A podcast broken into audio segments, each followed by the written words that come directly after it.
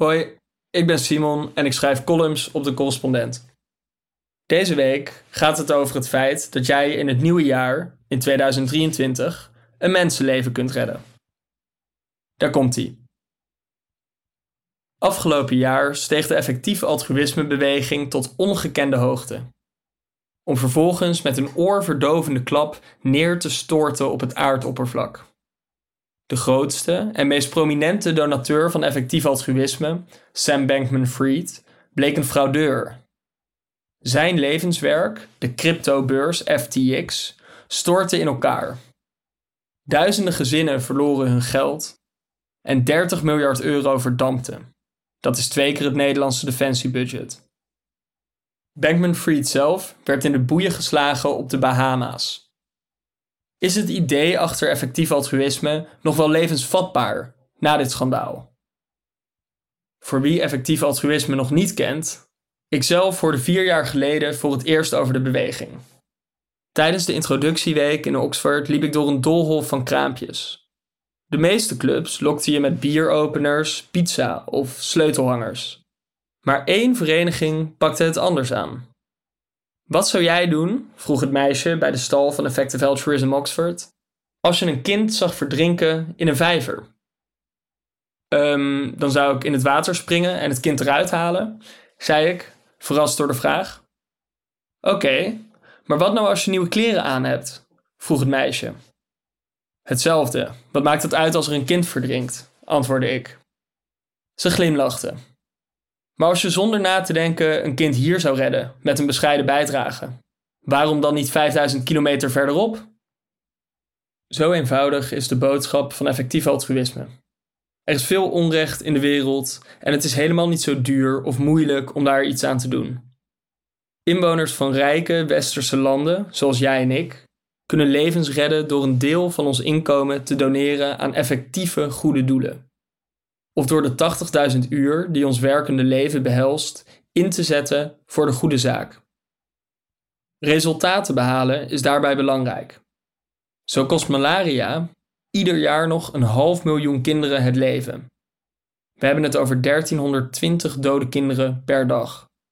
De Against Malaria Foundation bindt daar de strijd mee aan. 2 euro per net en er zijn minder dan duizend netten nodig om één jong kind te redden van een rampzalige, maar vooral volstrekt onnodige, dood. Dit goede doel heeft al grofweg 100.000 levens gered. Twee volle Johan Cruijff arena's. Grotendeels dankzij effectief altruïsme. Noem mij nog een club die zoveel calamiteiten voorkomt. Nog een voorbeeld.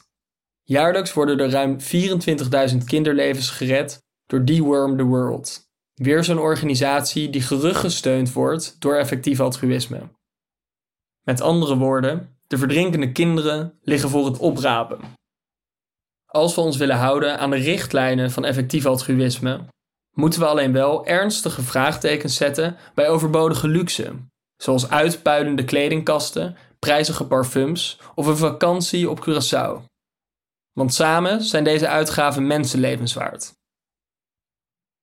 Kwam het door de filosofische eenvoud of de chirurgische doelgerichtheid van de beweging? Ik weet het niet. Maar afgelopen jaar was effectief altruïsme ineens het hete vuur waar iedereen zijn handen aan wilde warmen. William McCaskill, de posterboy van de beweging, werd als held onthaald bij interviews in The New Yorker en The New York Times en zat bij Trevor Noah aan tafel in The Daily Show.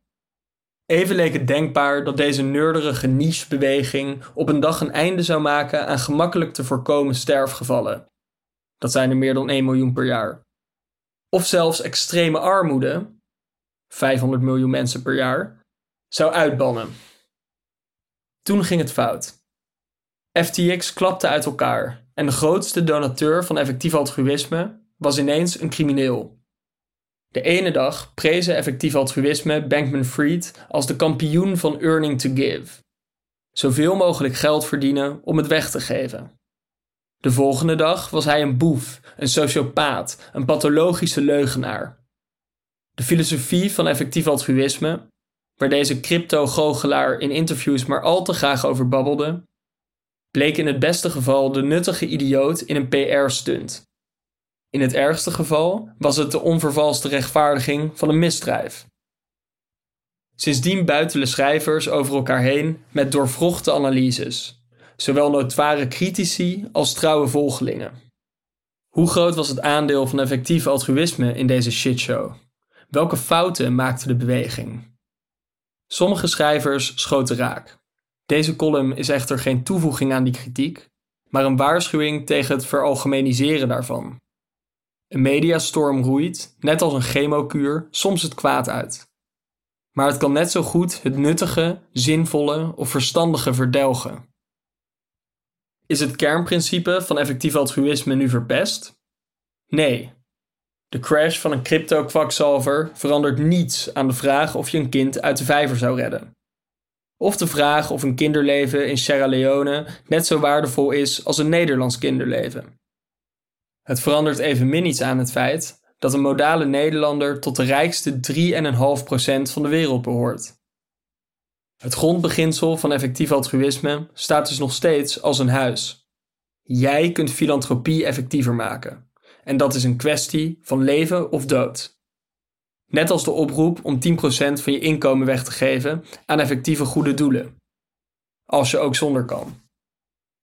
Van het gesprek vier jaar geleden leerde ik twee dingen. Het eerste was de aantrekkingskracht van de filosofie achter effectief altruïsme. Die is eenvoudig, rationeel en verlicht. Maar het tweede gevoel was een zelfzuchtige angst.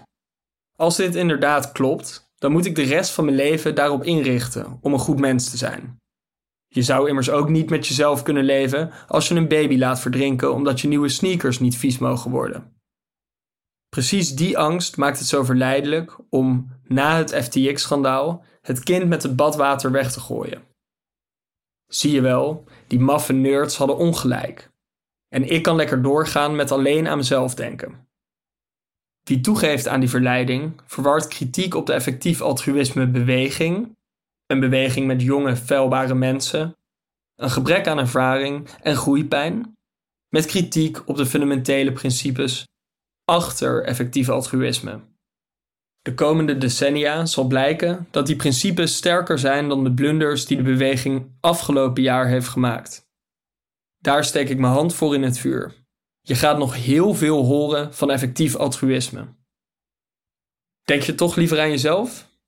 Wie weet geeft het opsturen van malaria-netten een ander soort voldoening dan een nieuwe multifunctionele staafmixer, een net zo stijlvolle als overbodige spijkerbroek of een sound system, waarbij je huisgenoot het verschil met de televisie niet kan bespeuren.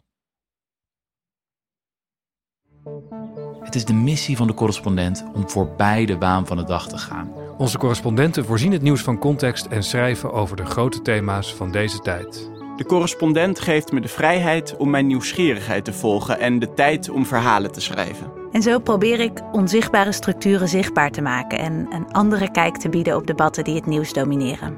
Dan gaat het minder over het spelletje en veel meer over wat er op het spel staat.